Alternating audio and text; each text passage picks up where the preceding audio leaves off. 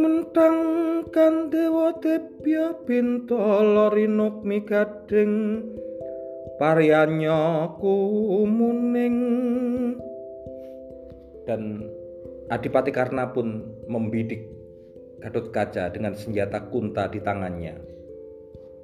Senjata yang memang berjodoh dengan sarungnya, sarung kayu kastuba yang dulu pernah digunakan untuk memotong tali pusar dan lalu menyatu di raga Gatot Kaca. Maka seperti pusaka dan sarungnya, demikianlah kunta dan tubuh Gatot Kaca berjodoh. Kresna tahu itu. Maka di mata Kresna, pertarungan dua kesatria itu lebih seperti pertemuan dua orang bocah yang saling berbagi kerinduan. Gatot kaca yang besar dalam semalam ketika dia dimasukkan di kawah Chandra di muka dalam wujud bayi lalu sehari kemudian muncul dari kawah itu dalam sosok jejaka perkasa usia belasan hal yang kemudian ditanyakan oleh Arimbi ibu Gatot Kaca anakku Gatot Kaca tanyakan yang kau belum tahu ibu akan membantumu. Kenapa anak-anak itu bermain layang-layang, ibu? Kenapa mereka suka bermain di sungai, menghanyutkan diri dengan bergantung pada batang-batang pisang? Kenapa mereka bermain lumpur? Kenapa mereka menangkap capung dan belalang? Karena mereka anak-anak, Gatot Kaca. Aku tidak pernah seperti itu, Ibu. Dan Arimbi tidak punya jawaban. Mungkin sama halnya seperti ketika Kunti membujuk Adipati Karna untuk bergabung dengan Pandawa, bergabung dengan adik-adiknya. Karena anakku, bila seluruh sisa usiaku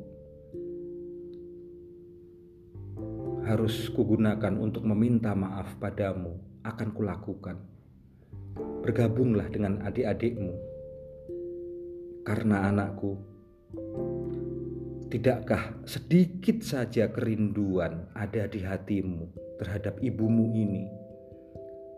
Dan waktu itu karena menjawab, "Ibu, jangankan kerinduan, bahkan ingatan tentangmu saja.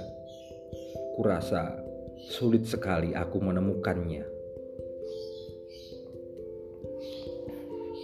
Malam itu Gatot Kaca gugur, tertembus senjata kunta di lapis langit.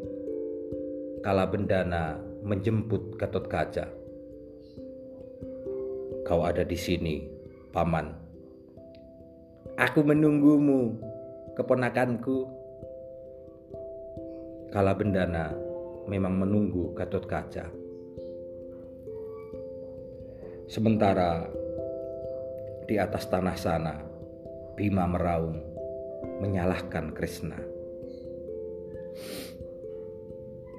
Kemenangan seperti inikah yang kau janjikan, Krishna kakakku?